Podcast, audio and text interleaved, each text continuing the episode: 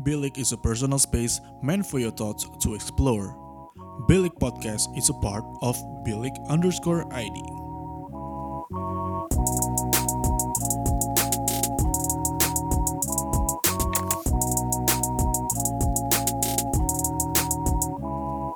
Bilik, your thoughts matter.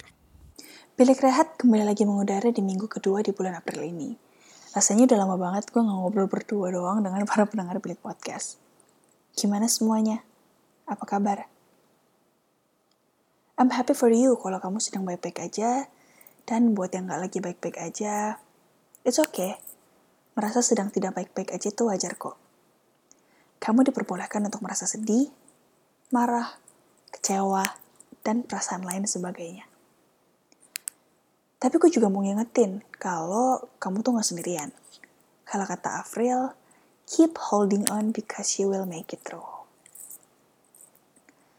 Gak bisa dipukiri kalau semakin hari dunia semakin tidak baik-baik aja.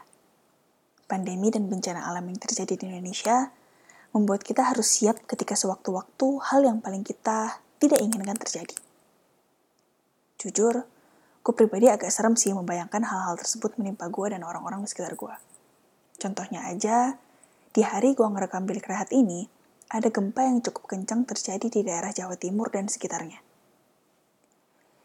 Tiga dari empat orang yang udah jadi teman dekat gue selama 20 tahun lagi ada di sana. Gue panik sepanik-paniknya. Bayangin aja, gue segrup cuma berempat. Tiga orang lagi di daerah yang sama. Yaitu di daerah yang kena lagi kena gempa itu.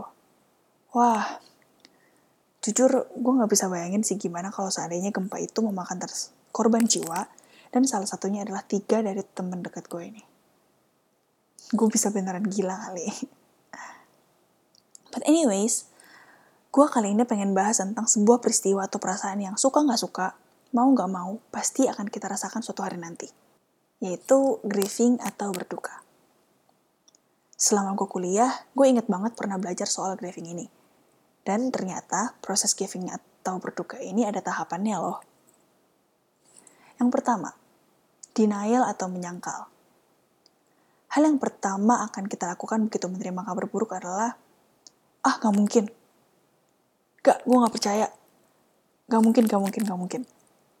Meskipun bukti-bukti sudah diperlihatkan, tapi kita masih akan tetap sulit untuk percaya dan terkadang pada tahap ini kita akan berperilaku bahwa seolah-olah orang itu tuh masih ada.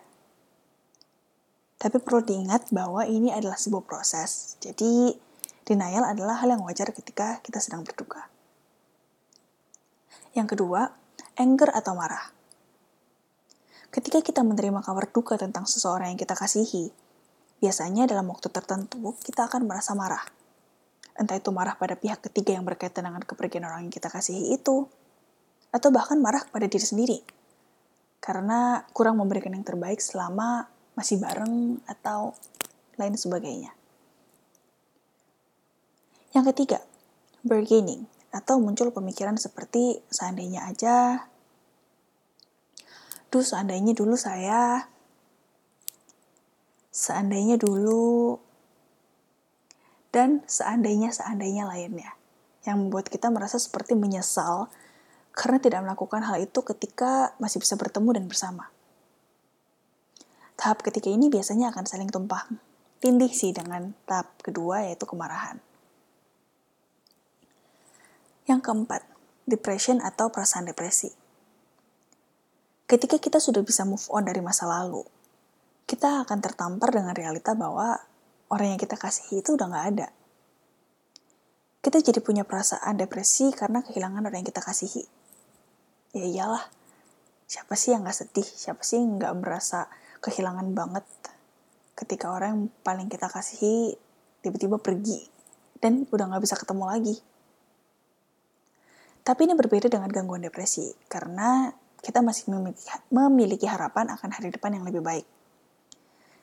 Yang jadi berbahaya adalah ketika perasaan depresi ini terus ada dan mengganggu fungsi kita sehari-hari. Yang kelima adalah acceptance atau penerimaan. Di tahap ini kita sudah bisa menerima situasi dan memaafkan diri sendiri dan orang lain atas proses duka yang dialami. Ibaratnya, kita udah bisa merelakan lah bahwa hal itu terjadi. Dan kita bisa kembali menjalani hidup seperti sedia kala. Dalam proses berduka, tidak ada waktu khusus yang menjadi patokan kapan seseorang harus merasakan setiap tahapan dari grieving tersebut. Menurut gua, gak apa-apa untuk merasa sedih karena ditinggal orang yang kita kasihi. Asal, kita tidak berlarut dalam kesedihan tersebut.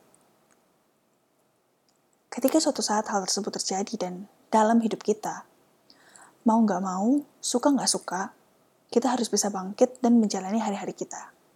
Seperti biasanya. Karena life must go on and never let the sadness of your past ruin the happiness of your future.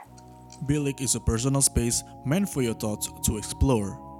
Bilik Podcast is a part of Bilik underscore ID.